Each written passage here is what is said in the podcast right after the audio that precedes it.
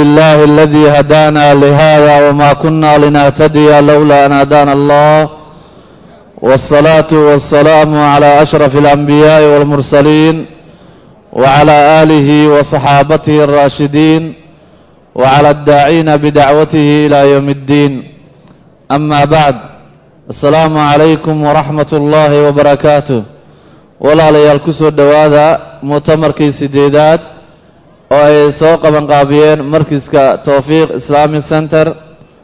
Maanta oo ah maalintii saddexaad muxaadaradanina waa middii saddexaad.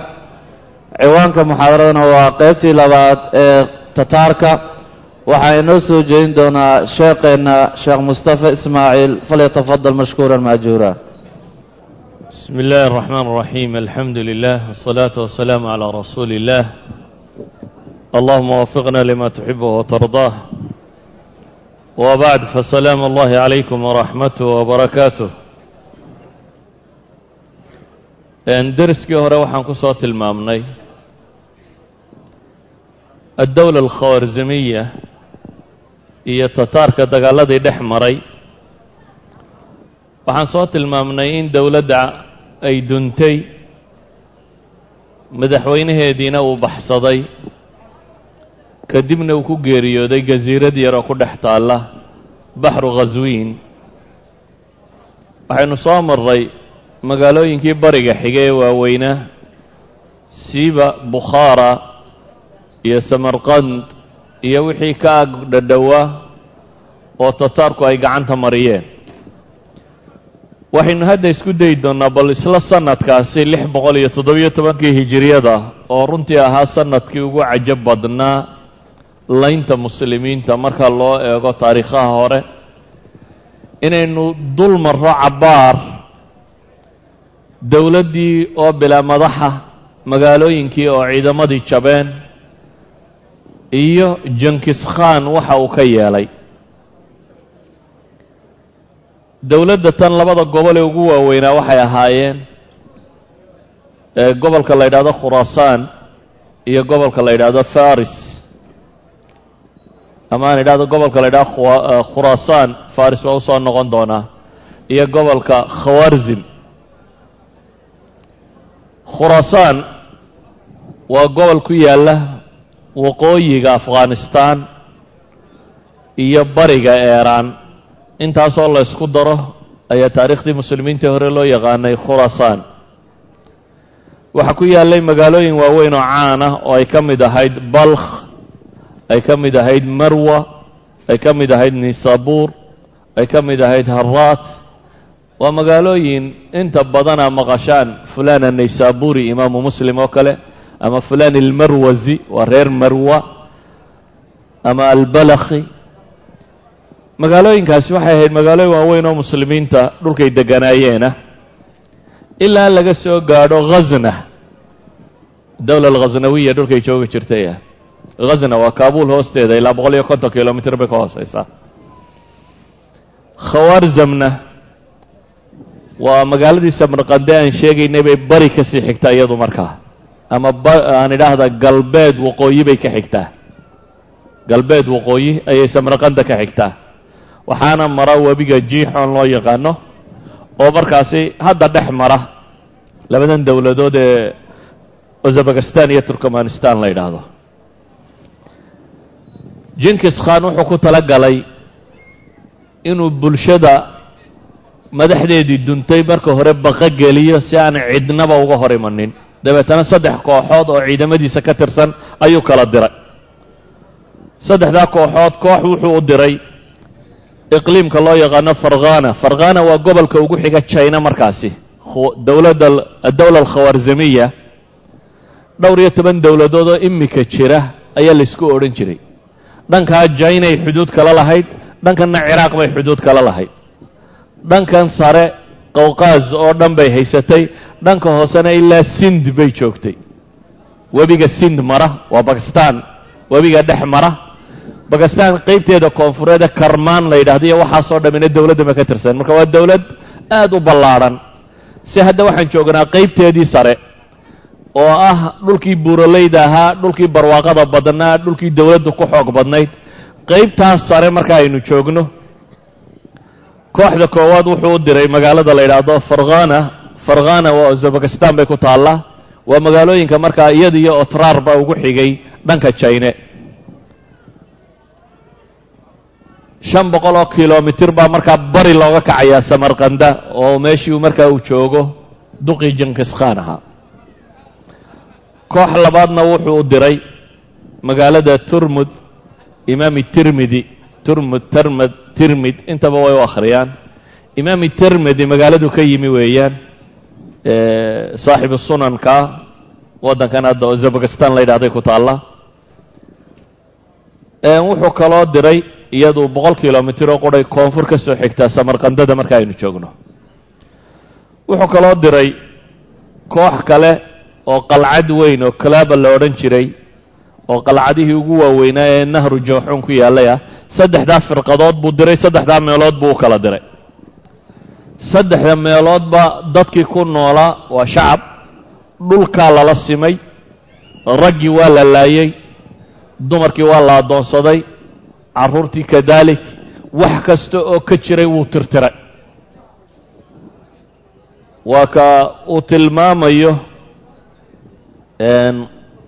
ruwaati taariikh nin ka midaba wuxuu leeyahy waxay yidhaahdeen buu yidhi ina atataara laa yartawuuna ila biاddimaa walaa yascaduuna ila biاlkharaabi waاtadmiir wa inahum laa yuhzamuun bay yidhaahdeen tataarku kuma haraad beelaan dhiigga mooyaane waa dhigii cabo waxay kaloo ku sifaynayeen liibaanta iyo farxadda iyo badhaadhahi iyo sareedada iyo barwaaqada waxay gaadhaan marka uu ummad la halaagee la tirtiro. Yacni waa joogkooda waa cayaartooda iyo faraxooda iyo rayrayntooda iyo sareedada iyo barwaaqadooda. Waxay helayaan marka ay dad tirtiraan. Ka saddexaad waxay idhahdeen waa ciidan aan la jebin. Maxaad u malaynaysaa shacab. Risaalada la gaadhsiinaya ay noocaa tahay. Dowladdeedii sarena ay duntay jinkisaan iyo ciidamadiisii markaa waxay soo galeen. Markay saddexdaa magaalo soo baabi'iyeen ee dadkii la wada baqogeliyey ayaa waxaa loo soo kacay afghanistan waqooyigeeda. Waa dhulkan taajiku degaan waxaa la soo qabtay magaalada la yidhahdo balkh. Balkh markay yimaadeen waxaan hore loo arag bay sameeyeen laakiin dambay ka lahaayeen. Reer balkh way u soo baxeen waxay ka dalbadeen ammaan magaalada inay nabadgelyo ku soo galaan dadkana ay nabadgelyo siiyaan. Lana ogol yahay inay dowladda dowladda tataarku meesha soo gasho. Ammaankii buu siiyey. Dabeetana wuu dhaafa wuxuu tegay magaalo kale oo waqooyiga afghanistan ku taalla oo taalaqaan la yidhaahdo. Taalaqaan iyada markii uu tegey waa dhul qalcado waaweyn leh xusuun tiro badan leh. Dabeetana way isdifaaceen dhowr bilood buu go'doomin ku hayey dhowr bilood kadib waa la jabsaday. Wixii rag sheegan jiray wuu gumaaday. Dumarkii iyo carruurtiina farsamadiisiibuu ku isticmaalay. Wuu soo dhaafay. Wuxuu yimi magaalo loo yaqaano marwa. Marwe markii uu soo galay waa magaalo weyn marwe oo turkmanistan ku taalla. Balakht aynu markaa sheegayne uu cahdiga siiyey afar boqol iyo konton kilomitir ayay galbeed ka xigtaa magaaladaasuu soo galay. Magaaladan markii uu ku soo socday reer balkh buu soo maray. Qoladii uu ammaanka siiyey. Wuxuu yidhi idinka ammaan baan idin siiyey. Laakiin bishard way la dagaalgelaysaan. Waynu wada duulaynaa mar waynu ku wada duulaynaa. Marka ammaankiinu saasuu ku sugmaya. Dadkii waa iska baqeen waa aqbaleen. Axad alkutaab rakhib asirjani baa wuxuu leeyahy reer balakh mar kastoo muslimka la jebinayo ma sidan bay u dhaqmi jireen. Balakh waa meesha iminkana maxaa la yidhaahdaa laba meelood oo casrigan aynu nool lahay gaalada caawiyey ayaa ahaa taariikhdii tataarkana labadii kooxood ee caawiyey. Qola waa kurdida waqooyiga ciraaq degta tataarka way soo caawiyeen dagaalkii baqdaad iyo dhulka lagu qabsanayana way ka soo qayb galeen waynu iman doonaa. Qolana waa waqooyiga afghanistan qolada joogta labada qolee hadda maraykanka soo caawiyey ayaa tataarka markaana caawiyey waxaa la yidhaahdaa reer balakh waxay raaceen tataarkii dagaalkay la galeen. Ciidan ballaadhan oo uu hogaaminayo jankiskhaan wiil uu dhalay ayaa marwo soo qabtay. Reer marwi iyagu waxay go'aansadeen inaanay isdhiibin dirirna inay galaan dadkoodii bay mobilays gareeyeen laba boqoloo kun dad gaadhaya oo ciidan ay ka dhigeen bay dabadda ugu soo saareen. Ninkan aan dabadda isku haleelaa la yidhi. Dabaddaa muddo laysdilay dagaalkii cabbaar buu socday. Muslimiintii waa sabreen. Tataarkiina waa u sabreen.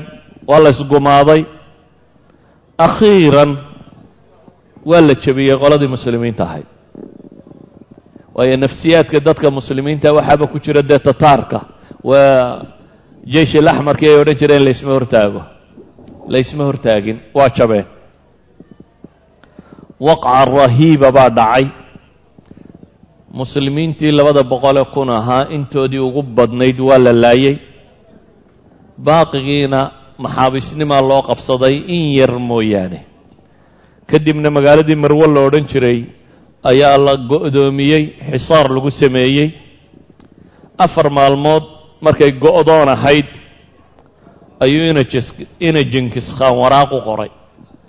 Ninkii qaa'idka magaalada ka ahaa wuxuu leeyahay niyow wixii dhacay dhace hadda aan nabadgelyo kala saxeexanno waxaan idin siinayaa magaaladiina tan ammaan. Bishard ammaanka aan ku siinayo waxaan rabaa inaynu kala saxeexanno aada soo baxdo aynu wada hadalno. Ninkii magaalada madaxda ka ahaa arrinkii wuu aqbalay mar haddii magaalada laga guurayo caynkana ammaan la bixinayo dagaalkiina wuu ku qadhaadh yahay wuu soo baxay waa u yimi. Markii uu yimi ina jankiskhaan wuxuu faray in sida boqorrada loo soo dhoweeyo. Waxaa la sameeyey soo dhoweyn weyn xaflad baa loo sameeyey ninkii madaxda ahaabaa meesha yimi waa la ixtiraamay waa la maamuusay. Kadibna wuxuu yidhi waxa aan rabaa heshiiska aynu wadagelayno in dadkaagii waaweynaana kaala qayb galaan. Isla markaana dee dowlad weyn baanu hadda nahay oo dhulkii ka talinaysee inaannu dadkii magaalada ama duqayda ahaa ama dowladda saraakiisheedii sare ama waxa kan wixii noo shaqayn karee dee shaqo qaban karana inaannu dooranno heshiiskaa wadagalno ayaan doonaynaa. Marka adiga waa ku soo dhoweynay noqo duqaydii iyo waayeelkii magaalada noo keen dib buu labtay wuxuu u yeedhay dadkii madaxda ahaa dadkii isaga ka ag dhadhowaa dadkii waayo wuxuu u ballan qaaday inuu dhul siin doono inuu maamulka ka qayb gelin doono inay dad laysfahmo noqon doonaan. Ninkii magaalada madaxda ka ahaa marwe dib dadkii ugu laabtay wuxuu keenay wixii magac iyo maamuus ku lahaa magaalada. Markii uu dadkii soo ururiyey oo soo dhoweyntii loo sameeyey oo meesha yimaadeen ina jankiskhaan wuxuu amar ku bixiyey dhammaantood in la xidho. Dhammaantood xadhiggaa loo jiiday. Dabeetana wuxuu yidhi laba su'aalood oo qudhaan idinka rabaa. Magaalada wixii maalqabeena liiskooda qora. Wixii farsamo yaqaanee techniciana xirfadyahanee sanaaciinana liiskooda ay sameeya waxaa loo qoray magaalada wixii dad waxhaysta deganaa ee maalqabeen ahaa waxaa kaloo loo qoray magaalada wixii joogay farsamo yaqaan intaasi markay dhacday magaalada madaxdeediina la hayo askarteediina hore loo soo laayay wuxuu yidhi magaaladaa laga soo baxo. Dadkao dhan ha loo yeedho. Dadkao dhan baa laysugu yeedhay. Markii ummadoo dhan laysugu yeedhay buu kursi dahaba meel loo dhigay waana jankiskhaan halkiibuu fuulay. Awaamirtaan soo rogayaa buu yidhi hadda amarka koowaad wax allaaliya wixii madaxa shacabka hortiisa ha lagu bireeya buu yidhi. Wixii madax ahaayoo dhan dhegtaa dhiigga loo daray waa la gowracay. Intaa kadib buu wuxuu yidhi wax allaaliya wixii farsamo yaqaan ah qaraqoram ha loo diro. Qaraqoram waa caasimaddii mongolia markaasi iyo tataarka looga talinayay caalamulislaami iyagaa technolojiga dunida markan hogaaminaya iyagaa farsamada looga dambeeya. Wax allaaliyo waa dagaalkii labaad germany markii la jabiyey wixii lagu sameeyey. Wax allaaliya wixii wax aqoon ahaana wuxuu yidhi ha la diro? Farsamo garanayey waxaa loo diray. Qaraqoran baa loo diray. Waxaa soo hadhay wixii maalqabeena. Wixii maalqabeena buu yidhi iyaga waa in la toorjargareeyaa ilaa intay ka caddaynayaan wixii khasnad magaaladan taallay meesha ay taallo. Wixii taajir ahaana waxaa lagu guray garaaca loo diray iyo tumista. Waxii adduun ay hayeen iyana waa sheegeen. Magaalada buu yidhi ciidanku ha galo. Wixii wax fiicanee hamiina shay qiimale yaalla lacag yaalla dahab yaalla wax quruxle yaalla waxaasoo dhan magaalada ha laga soo guro buu yidhi. Ciidankii magaaladay galeen wixii wax qiima yaallay oo dhan baa la soo guray saddex maalmood ayaa la gurayay magaalada wixii yaallo askartu shaqo kala haynin. Wixii magaalada nafle yaalla in la ururiyo saddex maalmood baa la gurayay baa la ydhahaa xataa guritaanku wuxuu gaadhay bay yidhaahdaan. Boqor hore boqorradii muslimiinta ka mid oo sanjar lo odhan jiray ayuu yidhi xabaashiisa ha la qodo isna dahabiyo wuxuunbaa malaa ku jireen. Xataa boqorkii sanjar lo odhan jiray xabaashiisii waa la qoday iyadoo la baadi doonayo waxuun in la heli karo intaasi markii ay dhacday ee magaalada wixii hanti yaallayna la qaatay ayuu amarkii kama dambaystaha bixiyey. Wuxuu yidhi magaaladani wayna la dagaalantay. Ciidan baana inugu soo saartay. Waa maanta laga bilaabo ha la laayo dhammaantood. Wuxuu soo rogay qaanuun labaad oo ah dadka magaalada jooga oo dhan in la laayo. Magaalada dhammaanteed baa la dilay baa la leeyahay. Ibnulahir fii kitaabihi alkamil wuxuu leeyahay ina jinkis khan wuxuu amar ku bixiyey markii dadka la wada laayay in meydka loo tiriyo buu yidhi dabeetana meydkii baa la soo tiriyey tiradii meydku wuxuu noqday buu yidhi sabca mi'ata alf goob qura la wada dhigay toddoba boqol oo kun oo qof oo hal magaalo degan yacni waxaad ka fekertaa cawaasimtii dunidu dhulkaasay ahaan jirtay waaga meelaha ugu badan ee bini aadam dega bay ahaan jirtay toddoba boqol oo kun oo qof baa madaxa laga jaray. Magaaladiina buu leeyahay marwo la odhan jiray ikhtafaa dikruha min ataariikh buu leeyahay warkeedu taarikhda halkaasuu kaga baxay intaa markii ay sameeyeen bay ka dhaqaajiyeen. Waxaa la qabtay magaalo la ydhahdo nisabuur. Nisabuur iyana waa magaalo weyn oo khuraasaan gobolkaasi ka mid ah waxay ku dhacdaa waddankan hadda eeraan la yidhaahdo waqooyi berigiisa bay ku taallay. Nisabuur markii uu yimi reer nisabuur iyana way isku dayeen inay isdifaacaan.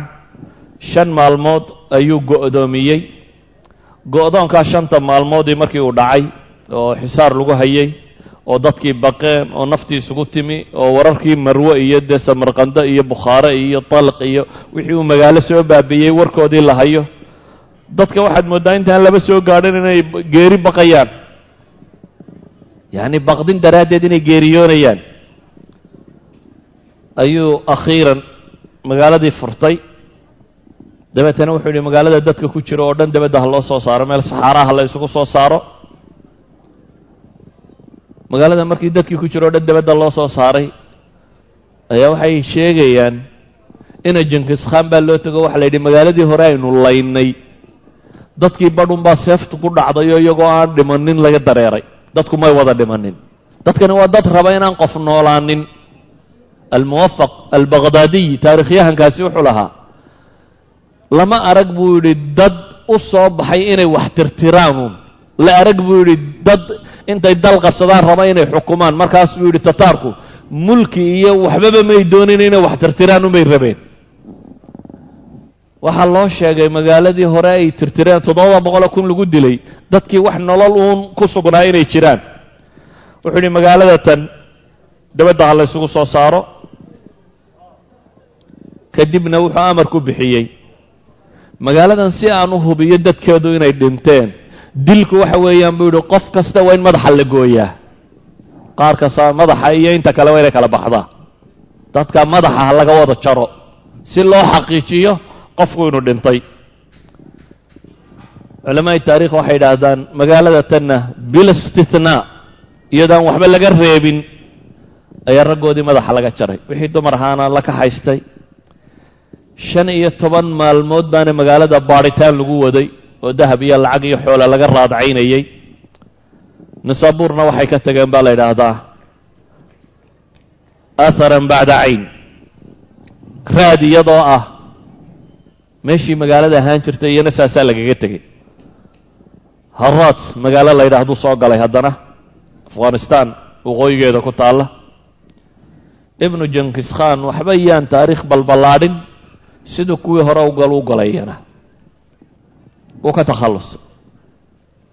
Magaaladan markii la leynayay nin boqora haystay oo la odhan jiray melik khan boqorkiina waxoogaa yaroo ciidankiisi ka mid u qaatay. Casrigaa waxay caan ku ahaayeen boqorradu ibixiyo wibixi intay yidhaahdaan wuxuu kaxaysan karaa intuu kaxaystay inuu taw yidhaahdo. Waaw in ciidan uu kaxaystay dabeetana meeshii buu ka baxsaday.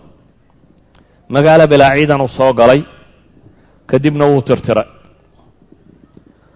Khuraasaan lix boqol iyo toddobiyo tobankii hijiriyadda sanadkaa gudihiisa ayaa dhammaanteed la tirtiray. Culamaa'i taarikh waxay leeyihiin min acjab alumuuri alatii marat biاlardi iطlaaqan weeyaan bay idhahdeen lama arag khuraasaan bay idhaahdeen oo dhammaystiran sanad gudihii wakhtiga yare intaa leeg in sidaa loo galo taariikhda hore iyo dibtoona looguma arag. Khuraasaan markuu hubiyey inuu tirtiray ayuu ka tallaabay. Gobolkii boqortooyadu ay deganayd khawarzam alkhawarzami buu ahaa boqortooyada iyo dowladda o dhami gobolkaas dowladda laga xukumi jiray ayuu u weecday gobolka kani wuxuu u dhexeeyaa uzbekistan iyo turkmanistan labadaa dal dhexdooda buu ku yaallaa waxaa mara webiga jixon la yidhaahdo.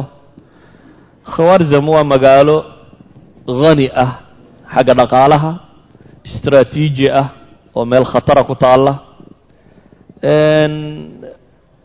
Population aada u tiro badani degan yahay. Boqortooyadii waddankan maamuli jirtay dhulka dadkoodii degan yahay ah kadib maadaama ay taliskii meeshu ay ahaan jirtay ah jankis khan wuxuu u diray ciidamadiisii ugu tiro badnaa. Khawarzam wuxuu kaga xisaabtamayaa maadaama dad badanina degan yahay dagaallo xoogani inay la kulmaan. Ficlan way isku dayeen gobolkan dadkii degi jiray iyo magaalada tan inay isdifaacaan. Shan bilood ayay qaadatay inuu xisaar ku hayo go'doomin. Shan bilood wuu furan kari waayey. Ciidankii tataarka waa u suurtogeli weyday inuu dabeetana waa la soo kordhiyey. Ciidankii tataarka mar labaad ayaa la tiro badiyey. Ugu dambayntii waxay ku guulaysteen tataarku derbiga qayb ka mid ah. Aswaar baa magaalooyinkii qadiimka ah ku wareegsanaan jiray. Derbi difaac laga galo. Derbigii qayb ka mida buu dumiyey. Dabeetana wuu soo galeen. Dagaal baa bilaabmay. Dagaal aada u halisaa qabsaday. Labada kooxood ba waxaa la yidhahdaa tiro aada u badan baa ka halaagsantay yacni dad aada u tiro badan waa la ysku madhay. Markuu arkay jankis khan ciidamadiisa inuu khatar ku jiro ayuu haddana madad kale u diray. Ciidan saddexaad baa yimi oo tataarka ah. Laakiin magaaladan yare miskiinta iyada cidi uma maqna waayo muslimku qolo waliba tuula gaara baa naftu kaga baxday. Wixii isku xidhi jirayna waa tii la waayey ee boqorkii baxsaday. Magaaladii waxay isku daydo inay dagaal ku jirtaba. Akhiiran waa la jebiyey dabeetana dadkii wax dhuunta wax godgala wax baxsada waxba sibay yeeleen. Baadhitaankaaba inugu tiro badanaya bay yidhahdeene maxaynu samaynaa? Magaaladan wuxuu go'aamiyey. Magaaladu waxay leedahay dhaam aada u weyn oo webigan biyo uu ku shubo oo sad dheer derbi dheer uu magaalada ka xigo. Wuxuu yidhi magaaladan waa inugu rabshad badataye sadka ha la dumiyo derbigaa la dumiyey dhaamkii magaalada ku yaallay baa lagu faruuray khawarzam webiga jiixoon baa lagu daray. Ilaa hadda webiga jiixoon bay ka mid tahay. Magaalada gebigeediiba wuxuu raaciyey webiga ayuu ku daray. Dadka intii baxsatee god gashay iyo meel gashay iyo guri ku dhuumatay iyo kan ku dhuumatay waxaa la raaciyey daadka. Waxay dhahdaan taariikhda lama hayo wax la mid ah. Qowmu nuux mooyaane. Qowmu nuux sidii alle u qarqiyo badda ugu daray ayaa magaalada tan iyo dadkii joogay dhammaantood badda lagu daray. Waxa aan ka warramayo dhammi waa sanad gudihii. Waa lix boqol iyo toddobiyo tobankii hijiriyada khawarzamna saas buu kaga takhallusay. Waxaa markaa uu tataarku gacanta ku dhigay khuraasaan iyo khawarzam waddankii la odhan jiray ama dawla alkhawaarzimiya waxaan weli gacanta tataarka gelin koonfurtii dowladda.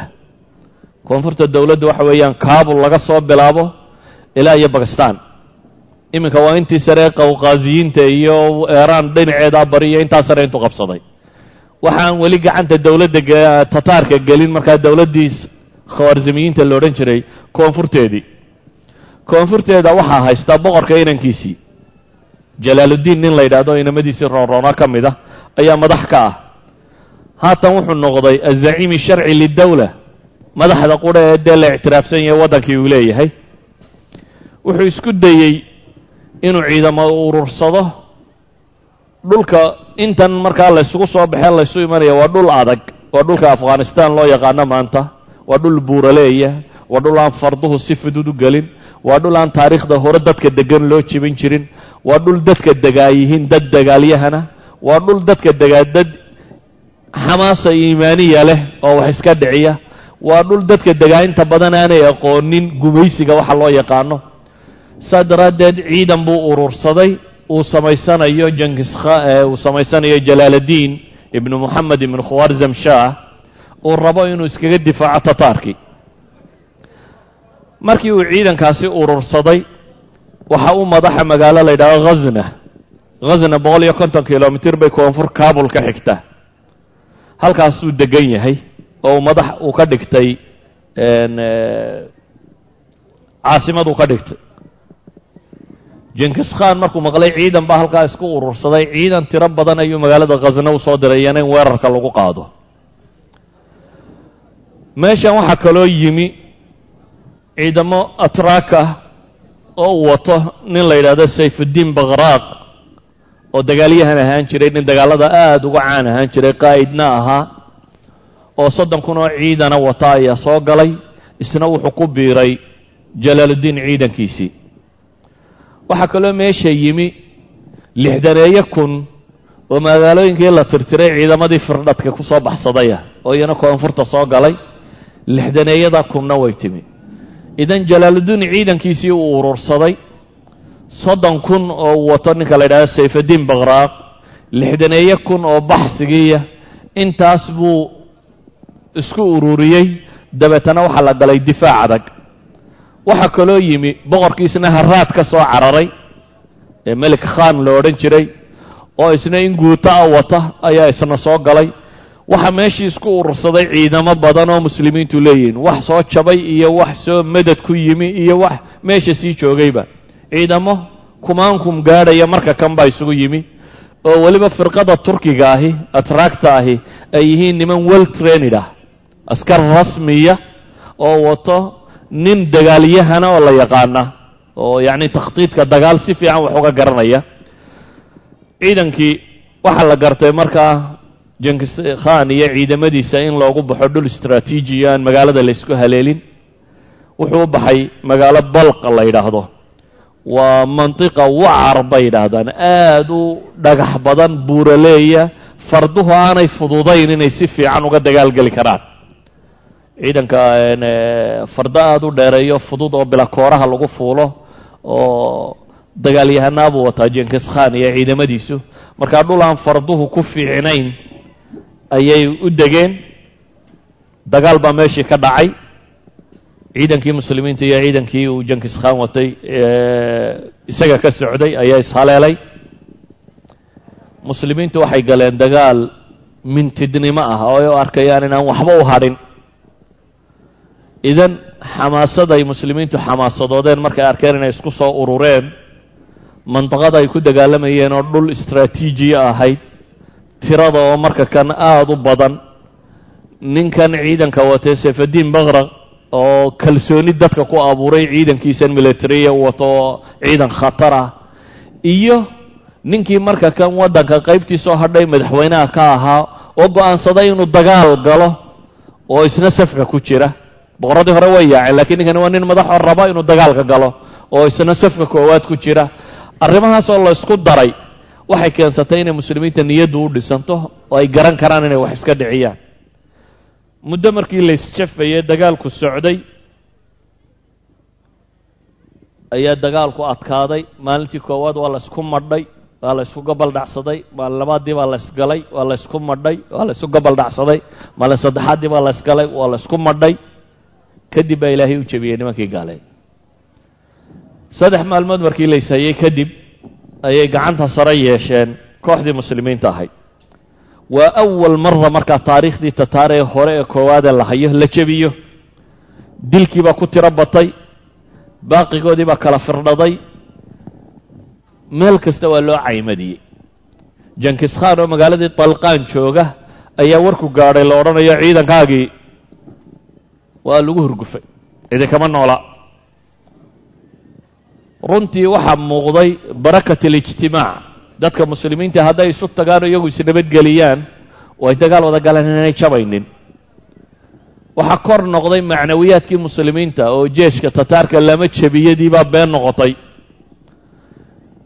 Ninkii la odhan jiray jalaaladiin ibnu moxamed ibnu khwarzim shaah boqorkan koonfureed ee odaygii hore dhalay kalsoona u gashay ciidankiisiiyo wuxuu arkay rag wax iska dhicin kara. Raggu maanta wataa inay yihiin kadib jankis khan buu waraaq u diray uu yidhi ma kugu hadhay. Dagaal baan diyaar u ahay. Haddii war hadhay waa dagaal. Jankis khan ciidan dambuu soo ururiyey waa soo dagaal tegey. Mar labaad baa goobta kabul hadda la yidhaahda la ysku haleelay. Caasimaddan hadda afghanistan ee kabul la yidhaahdo ayaa dagaal labaad la ysku haleelay.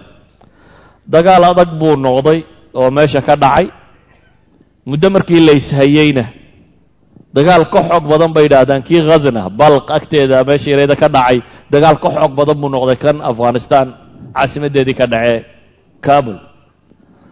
Mar labaad waa ku cabbeen nimankii tataarka ahaa waana ka xoog badiyeen. Waxay noqotay tataarkii in mar dambe la jebiyo. Laakiin mushkilad cusub baa soo ifbaxday waxaa soo baxay.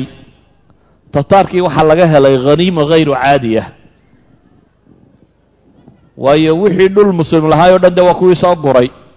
Bukhaara samraqand naysaabuur marwa haraad balq. Wixii magaaloba jirtay talqaan waa kuwii soo gurtay. Ciidamadani waxay ku raraayeen xoolo aada u tiro badan leh. Markii la jebiyeyna waxaa laga qabsaday xoolo aada u tiro badan leh ciidankii jalaaladiin uu watay xoolihii baa la qabtay. Sayfadiin bakraq iyo ciidankiisi waxay idhaahdeen dee dagaalka waanu ka qayb gallay si fiicanna waa u dagaalanay xoolaha barhkaygaana la siiyo. Melik khaankii haraad ka soo cararay isna dagaalka ka qayb galay isna wuxuu yihi xoolaha barhkaygaa la siiyo. Muslimiinta dhexdoodii waaba la murmurmay murankiibaa adkaaday dagaal baaba dhacay dhexdoodii baaba layska dilay. Sayfandiin bakraq nimay walaaliyeen oo ciidamada raggii hogaaminayay baa kow lagaga siiyey muslimiintii waxbaa ku kala dhintay. Markay halkaa marayso ayuu sayfadiin ciidankiisii soddonka kun ahee dagaalyahankii u watay ayuu kaxaystay goobtiina u iskaga tegey waxaa soo baxday fikraddii ah in dadku ciidanka hunguriga isku dilo. Tuu nebi moxamed lah calayhi salaatu wasalaam fawallahi ma alfaqra akhshaa calaykum ilaahay baan ku dhaartay buu nebigu leeyey faqri idinka biqi maayo. Waxaanse idinka baqaa waa xoolo. Ina xoolo heshaan. Oo aad dabeetana ku loolantaan siday kuwii hore ugu loolaalameen oo dabeetana ku halaagsantaan siday kuwii hore ugu halaagsameen buu nebigu yidhi calayhi salaatu wasalaam. Xoolihii la ysku qabtay. Waxaan isleeyahy yurub maanta way islaami lahayd.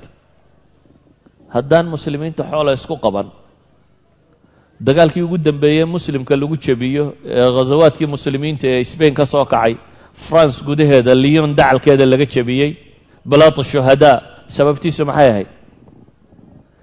Iyagoo ku cabbay gaaladii oo ka xoog badiyey oo garoonka haysta ayuunbaa qayla yeedhay odhanaysa khariimooyin ay siteen oo ay gaalo hore ka soo furteen oo xagga dambe taallay. Gaaladii xagga dambe ka wareegto khariimadii baa la gurtay. Ciidankiiba intuu ka baxay safkii koowaad ee dagaalka ku jiray buu dib u noqday. Ilaa iyaga akhirkii la tirtiray. Haniimay ku jabeen. Balaada shuhadaa faransiiska gudihiisa muslimiinta jabkoodii koowaad ee dib loo celiyaaba haniimu ku jabay. Cabdiraxmaan ninkii la odhan jiray ciidanka hogaaminayay. Kan haniimay ku jabeen. Haniimadii baa la ysku qabtay. Waxaa dhacay. Sayfadiin ciidankiisii inuu iskala baxay jalaaladiin wuxuu isku dayey inuu qanciyo in badan buu ka daba tegey in badan buu isticdaafsaday in badan buu bariyey. Laakiin ninkan walaalkii la dilay waaba u qurqursami weyday waxaniba anna madad baan idinku imiyo inaan wax idinka dhiciyo. Idina walaalkii baa disheen unbuu isa soo taago wax kaleba waa mari waayeen uu iska tegey isaga iyo ciidankiisii markuu ka baxay ciidankii niyad jab baa ku soo kornay. Iyagii oo isqabqabsaday dagaal dhexdoodii ka dhacay muslimiintiioo badh noqotay. May dhicin labadii guuloodee waaweynaayay muslimiintu gaadheen inay midhahooda goostaan ama istihmaar inay ku sameeyaan. Jenkis khan marka kan ciidankiisii ayuu soo urursaday isagii baa soo duulay. Awal wuxuu soo dirayay abnaa'uhu baa ciidamadan hogaaminayay hadda ra'su dawla almagoliya ciidan wataa soo socda. Muslimkiina waxay marayaan maxay? Inay iyagiis hayaan. Macrakadii ugu adkaydna way ku socotaa. Safkii muslimiinta khalkhal baa galay. Jalaaladiin wuxuu go'aansaday inaanu sida tan dagaal ku gelin. Ciidankiisii buu kaxaystay wuu guuraysna jankis khaanna waa ka soo daba guuray waa la ysdaba galay. Arrintii aabbihii ku dhacday oo kala dhacday marka jalaaladiin waa sii guuraa jankis khaanna waa ka daba guuraa. Laba ciidan oo isdaba socda. Kabul baa la yskala yimi khasna la ysla soo dhaafay. Jalaaludiin maga jankis khaanna magaalooyinka kuma weecdo. Ciidanka guuray unbuu ka daba guuraa. Ninkanna ciidankiisii waa soo waday waa soo waday. Sidii la ysula soo socday afghanistan waa la yskala dhammaaday bakistan baa la ysla soo galay. Bakistan baa la yskala soo dhammaaday sind baa la ysla tegey. Nahru sind. Webigan bakistan mara ee sind mara. Ayuu yimi jalaaludiin iyo ciidankiisii wata doonyaba wuu waayey. Dani kuteh rag inay ishaleeshaan mar haddii doonye la waayo meel u gudbaanay jirin. Jankis khaanna wakhti iskama lumin. Tuulana ma furan cidna ma boobin cid kalena ma laynin. Ciidankan buu ku daba jiraa jankis khaanna waa jalaaludiin meel buu la hadlay ciidamuu dirtay doonyaa loo doonay. Doonyaha intii loogu maqnaa ayuu jankis khaanna soo gaadhay.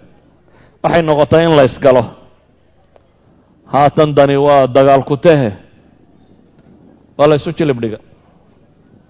Maantii koowaad baa la ysgalay waa la ysku madhay.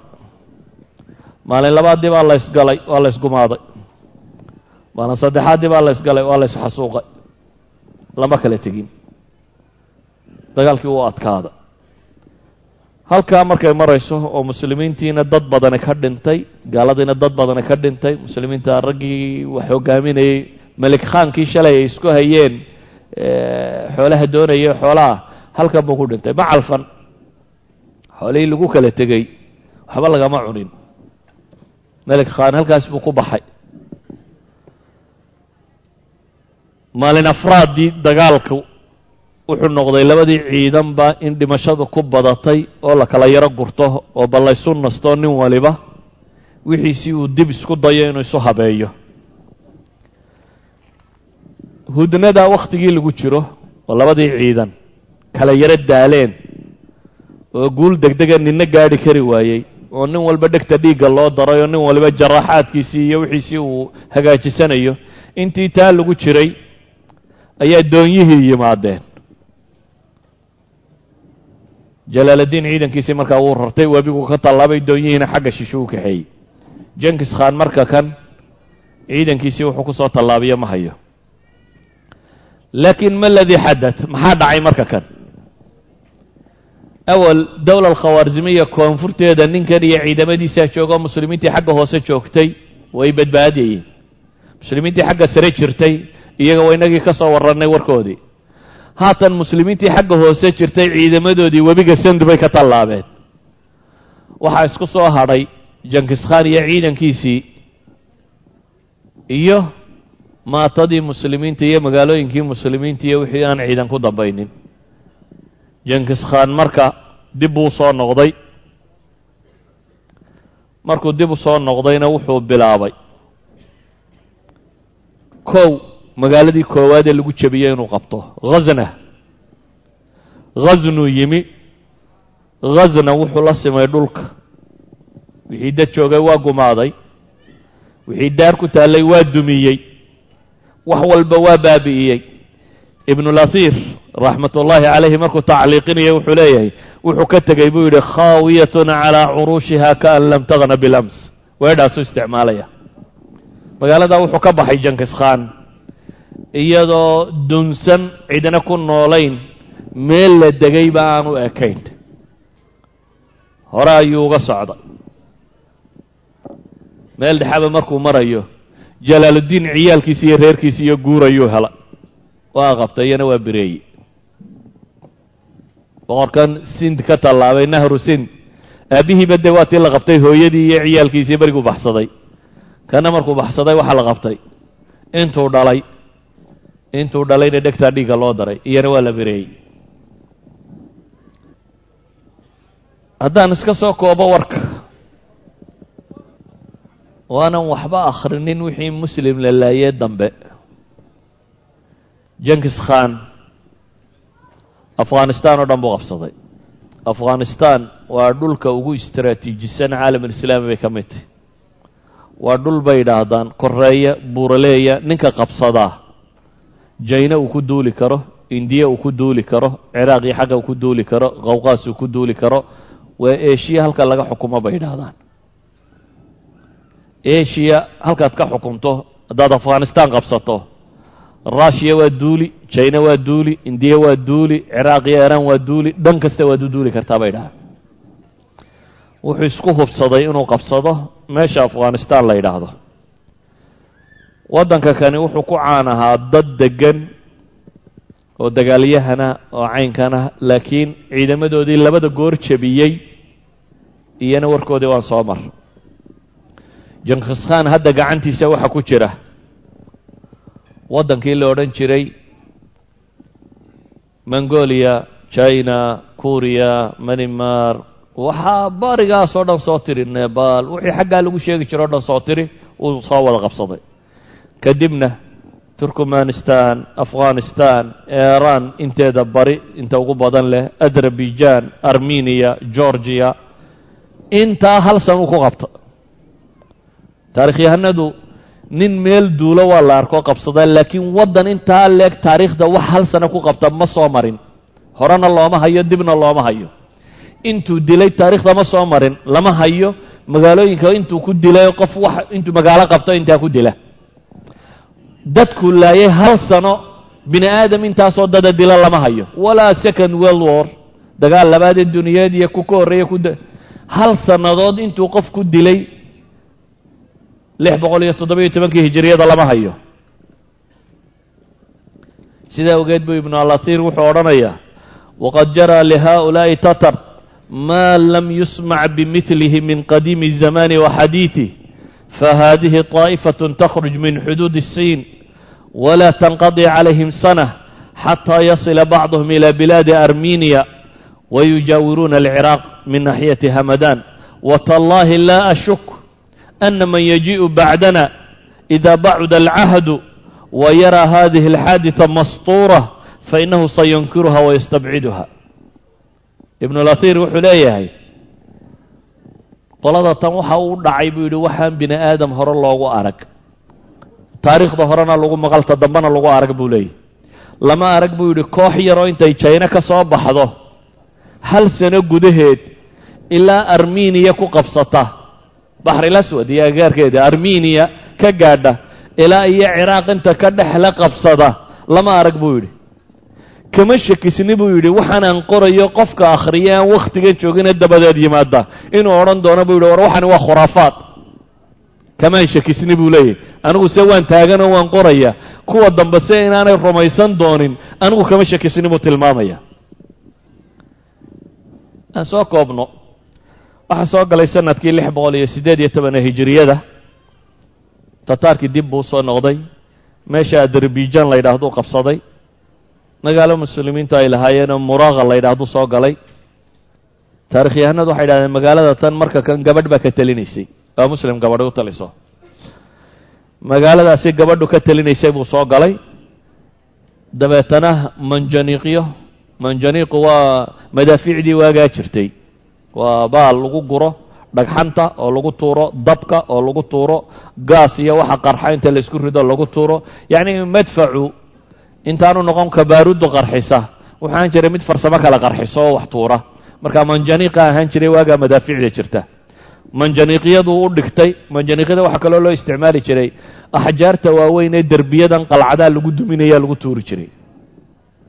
Manjaniiqyuu u xidhay dabeetana waa dumiyey. Magaaladiina wuu qabsaday. Bishii safar afarteedii baa la yidhaha sideed lix boqol iyo siddeed iyo tobankii ayuu magaaladaana qabtay. Caadadii uu lahaa buu mariyey. Raggiina waa laayey xoolihii iyo wixiina waa qaatay dumarkii iyo carruurtiina waa la fara xumeeyey markuu taariikhdan ka warramayo wuxuu sheegaa. Wuxuu yidhi dadka warramaa waxay ii sheegeen. Dadka siday u niyad jabeen buu ka warramaya. Nin tataari intuu ku soo baxo boqol muslimoo meel fadhiya inuu yidhahdo ha dhaqaaqina iswada taaga oo la iswada taaga buu leeyahy oo midba mar madaxa ka jaro waxay taarikhyahanadu sheegeen buu leeyey inay gabadhi ku soo baxda rag muslimiin ay tidhahdo istaagtaaga oo iyadu layso. Dee waa maraykanka aad arkayso in laga baqayo.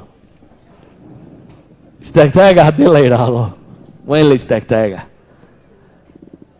Waxaa dhacay dadka baqihii galay wuxuu gaadhay xad.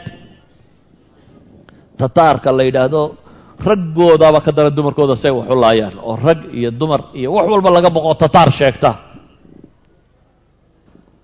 Tataarku marka kan iran iyo dhulkaa ka soo takhallusiya afghanistan iyo armenia iyo azerbaijan iyo bakistan iyo dhulkaa soo dhaaf turkmanistaanada iyaga hadalkooda daa. Wuxuu marka kan joogaa jaziirada inuu weeraro jaziirada waxa u yaqaanin inta badan labadan webi ee ciraaq mare dhexdooda waa ciraaq waqooyigeeda waqooyiga ciraaq. Wuxuu isku dayay inuu arbiliya meeshan iminka akraadu degan tahay arbil inuu weeraro. Iyo muusal waa ciraaq waqooyigeeda labada magaale ah. Boqorkii hurday ee annaasir lidiin ilaahi la odhan jiray waa boqorradii ugu liitay muslimiinta soomaro ka mid ahaa oo xukuma baqdaad ayaa marka kan maqlay waqooyigii ciraaq in la soo galay dowla alkhawarzimiya intii la tumayay wuu faraxsanaa waayo dowla alkhawarzimiya col bay ahaayeen. Ciraaq la laynaya bay ahaayeen. Marka isagu waa faraxsanaa. Haatatan baqaa soo galay waayo ciraaq waqooyigeedii buu marayaa ninkii. Arbiliya baa la marayaa maxay? Iyo muusal. Wuxuu isku dayay inuu ciidamo muslimiina ururiyo. Wuu dhawaaqay muslimiintu ha soo baxdo ciidamuu sameeyey. Nin ka mida saraakiishii muslimiinta ee markaa joogtay mudfuruddiin la yidhaahdo. Mudfuruddiin ayaa ciidankii loo dhiibay. Imisaa u malaynaysaan boqorkani ciidanku isu keenay? Boqorkii dhammaa ee ciidanka baadi doonay siddeed boqol oo nin buu soo helay bay yidhahdeen alkhilaafa alcabaasiya annaasir lidiin illaah siddeed boqol ayuu soo helay. Siddeeddii boqol baa loo dhiibay mudfuruddiin oo la yidhi bal arbil tataarka ka hortag. Oo siddeed boqol oo nin.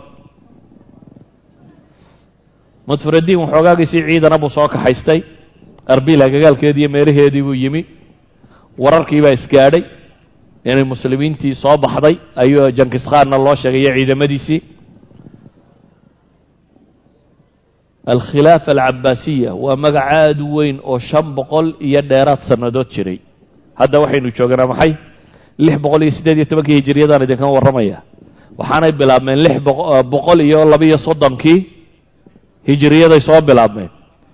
Yacni boqol iyo dhowr iyo soddonkii hijiriyada ilaa lix boqol iyo dhowr iyo tobankii shan qarni dowlad soo jirtay weeyaan. Waa dowlad dunida dacladeeda gaadhay waa dowlad aqoonta dunida hoggaamin jirtay waa dowla luulaa bay ka tay waxay huwantay shaadh weyn oo dunidu ka cabsato. Laakiin ciidan siddeed boqol ay wadataa waxuu ku xisaabtamay jankiskhaan markaa in siddeedda boqol iyo waxaan la sheegayaa khudca inay tahy tactiiki military inay tahay oo intan yari intay hadhow loo baqa carari doono dee fakha ciidankii weynaa ku dhici doono. Dabeetana wuxuu go'aansaday inuu xarbu istinsaaf galo ee aanu muwaajaho gelin. Alkhilaafa baa hadda taagan dee awal dowla alkhawarzamiya bay ahayd. Al'aan waa alkhilaafa alcabaasiya waa dowladdii muslim oo dhami hoos tegayey arrinku si fudud wax loo geli kara maaha. Sidaa awgeed tatarkii waxay go'aansadeen xarbu istinsaaf ku dhufoo ka dhaqaaq iyo boob iyo kolba meel la galo iyo baqagelin iyo baabka in la galo laakiin aan ciidanka kan la waajihin. Iyo inuu sameeyo maxay axlaaf iyo itifaaqiyaat iyo heshiisyo iyo gaashaanbuur dunida inuu la soo heshiiyo gaashaanbuura soo samaysto si khilaafada markaa loogu wada diulo kadib qoladii khilaafadana ilaahay baa marka kan badbaadiyo dib baa looga noqday. Hamadaan iyo xaggaasuu u kacay. Hamadaan buu cagta sii mariyey. Ordawel magaalo la yidhaahdo cagta sii mariyey. Wixii uu dhankaas sii layn kara buu sii laayey. Ilaa iyo uu ka gaadhay magaalada tabriiz la yidhaahdo. Tabriiz. Waa hore ay yimaadeen waxay yimaadeen wakhti qabooba oo baraf ku dhacayo. Dabeetana ninkii boqorkii markaa haystayna wuxuu siiyey waxoogaa xoolaa iyo dhar iyo lacag iyo ballan buu la galay intoodii bay qaateen waa kuwii iska tegey. Waxaa haystay ozabik ibnulbalhawaan ninkaynu ku tilmaamayno oo nin khabriyo cabaa bay ku sheegaan taarikh yahanadu al'aan waa wakhti jawigu uu fiican yahay. Dee ballankana awalba muu aqoonin. Waxay isku dayeen markaa haatatan inay weerar rasmiya magaalada ku qaadaan. Laakiin magaaladiina way isbeddeshay intii waxaa qabsaday shamsudiin atakraa'i nin la odhan jiray oy taarikhyahanadu yidhaahdaan wuxuu ahaa nin adduunkiisa iyo aakhiradiisaba fahmaya. Ninka kani markuu meesha qabsaday magaaladiisii uu diyaargaroobey ciidamuu samaystay waa diyaargaroobay. Inkastoo tataarku ciidan aada u badan iyo dowladdaa laga wada baqaya yihiin. Laakiin wuxuu ku tala galay dee kollayba waad dhimanaysaaye adoo sii jeeda ha dhiman. Meesha nimankani dee cidba dayn maayaan. Marka haddaad raacdana wuu ku dili. Haddaad dagaalantana wuu ku dili. Had walba waad dhimane. Inuu isku dayo inuu isdifaaco ayuu ku tala galay jihaad buu iclaansaday. Dadkii baa la xamaaso geliyey. Culammadii baa dhawaaqday. Magaalada qalcadaheedii iyo aswaartii derbiyadii ku wanaagsanaa iyo wixii baa la hagaajiyey. Dhufaysyadii iyo godadkaa la qotay waa loo diyaar garoobay. Tataarkii wayse soo taageen. Waxay maqleen meeshan in jihaad ka iclaansan yahay. Kadib waxay dhahaan raalli ahaada iska sii noolaada waa ka tallaabeen. May may u jeesanin. Waxay u kaceen magaalo kale oo ka mid ah magaalooyinkaasi meeshan ku yaallay belqan la yidhaahdo waa iiraan magaalo ku taalla iyana ramadaan lix boqol iyo siddeed iyo tobankii bay soo galeen iyadana cagtay mariyeen ibnulahir wuxuu leeyahy kanuu yashuquuna buطuuna alxubaala wayaqtuluuna alajinna wa kanuu yartakibuuna alfaaxisha maca الnisa ثuma yaqtuluunahum wuxuu tilmaamayaa magaaladan markay qabteen ilmaha uurka ku jira xataa way dileen buu leeyahy tabriis soo jihaatamaysa markay arkeena soo dhaafeen. Tan yar baa la yskaga cadha burburay. Ilmaha uurka ku jira xataa waa dileen buu yidhi.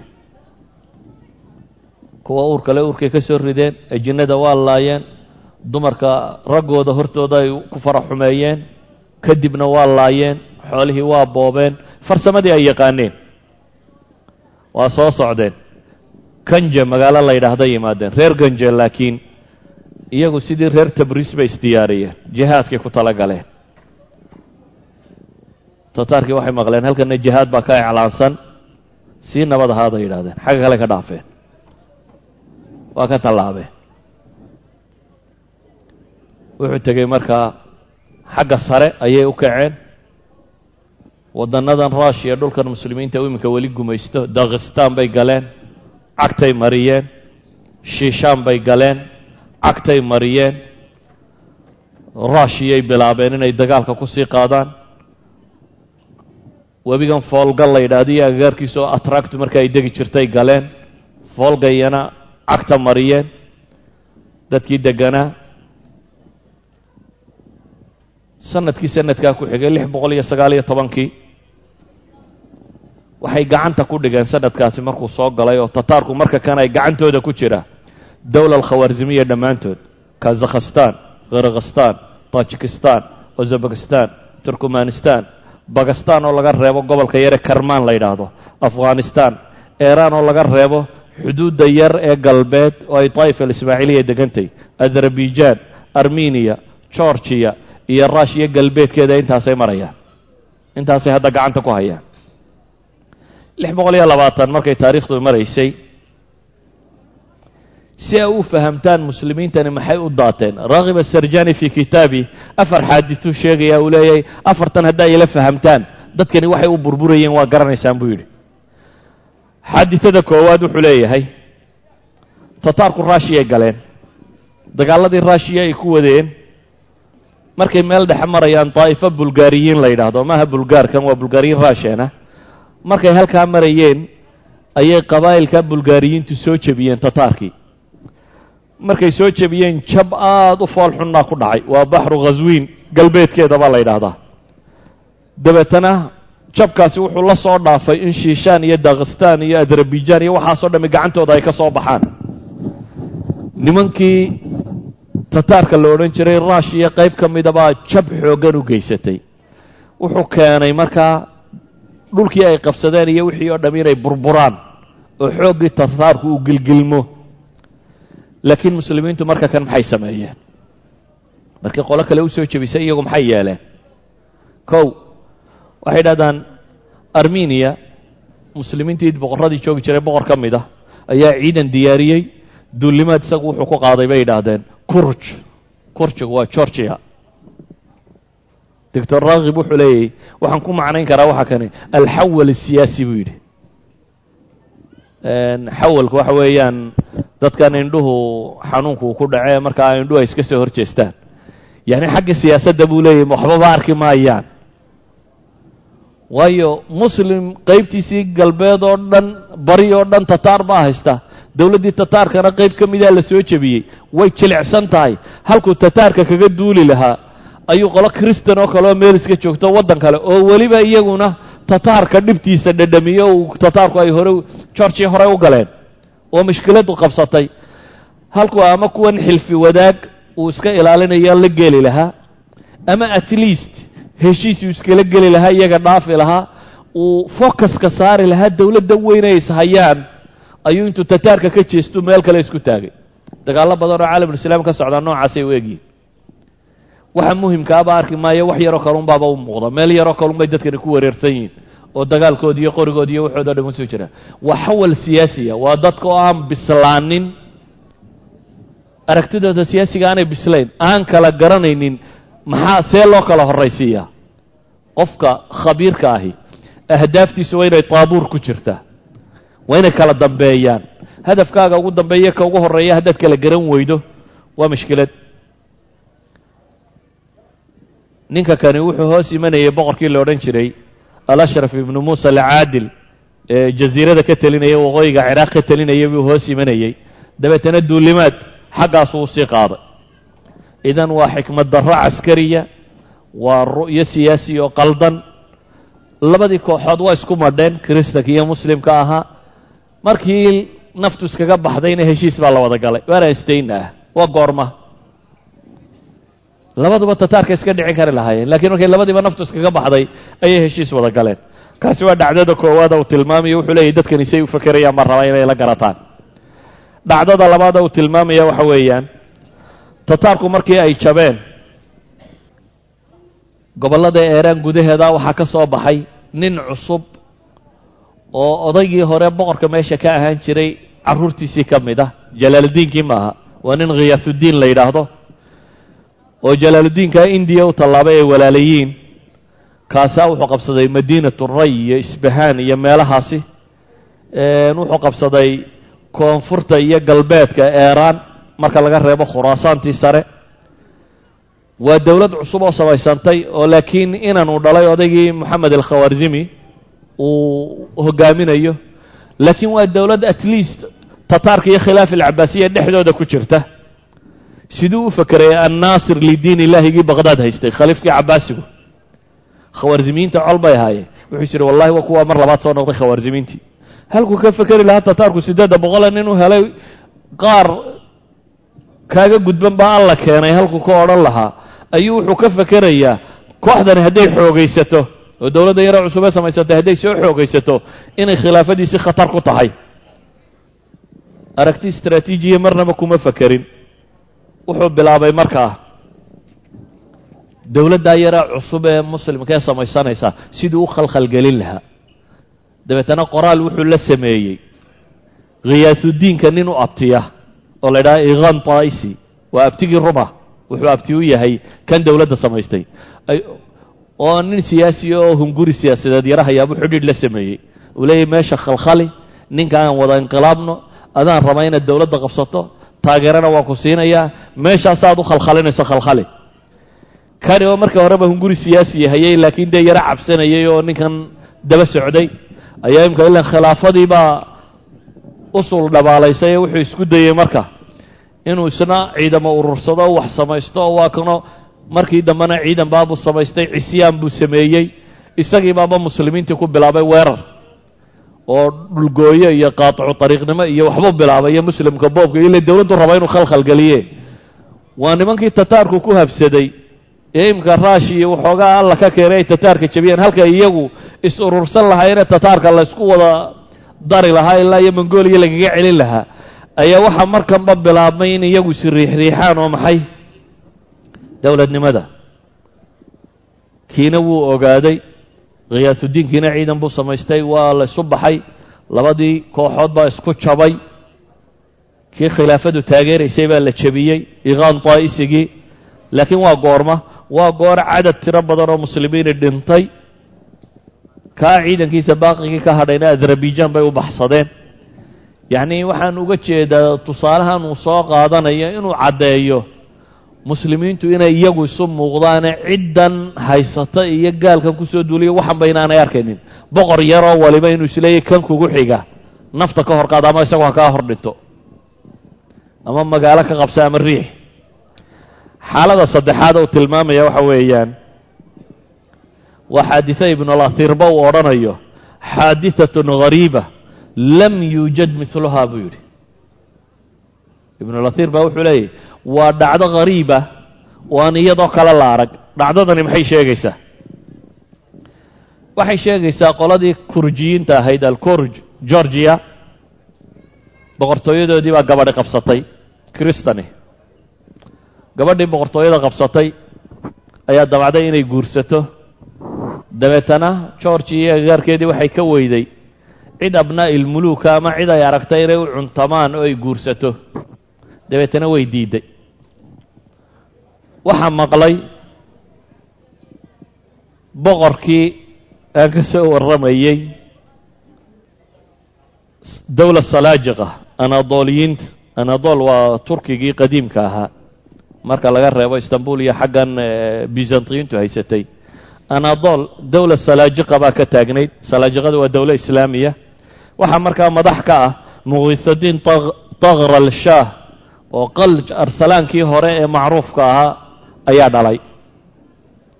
Boqorkaasi baa maqlay armeniya boqoraddeedii inay guurdoontay dabeetana uu fariin buu u diray uu leeyay waxaan rabaa inankayga inaad guursato.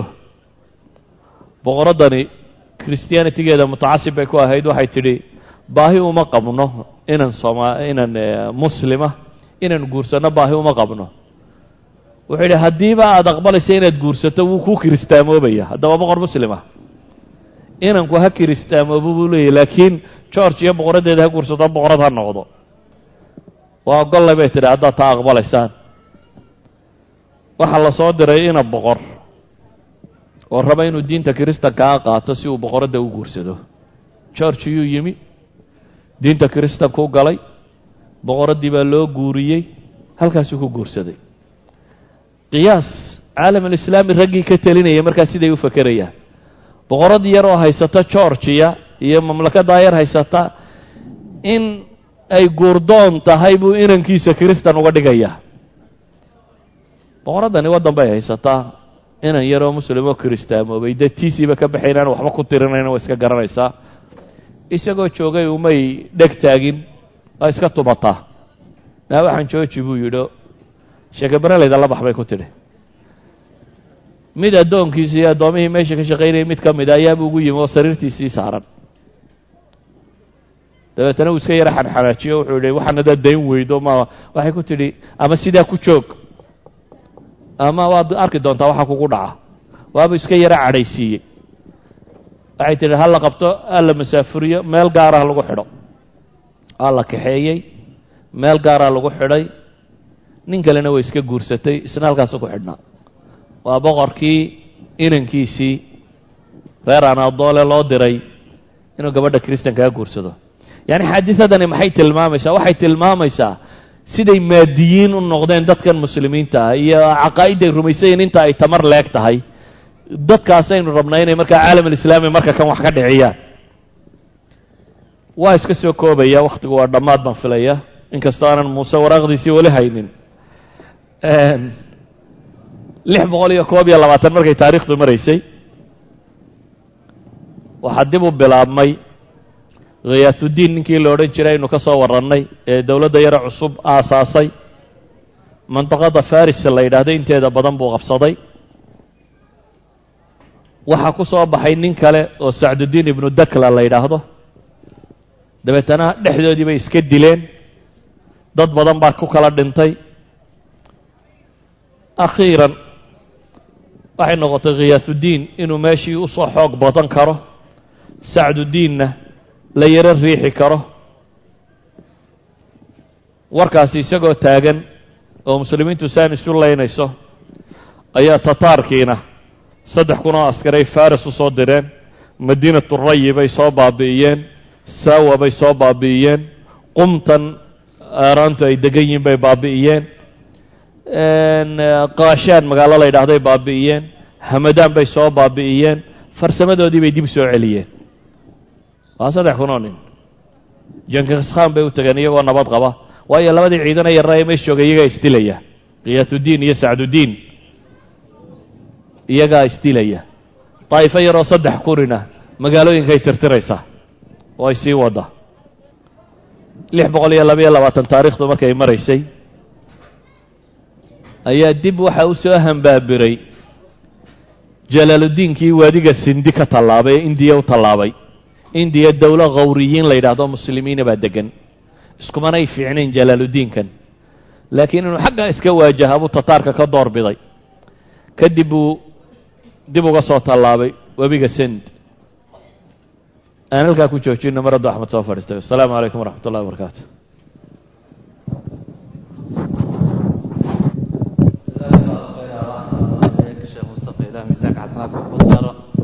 waktigoona celina awadeed waa ka xunnahay raalna aago mawduucii muxaadarada saddexaad iyo mawduucan tataarka maanta intaa noo joogta insha allah.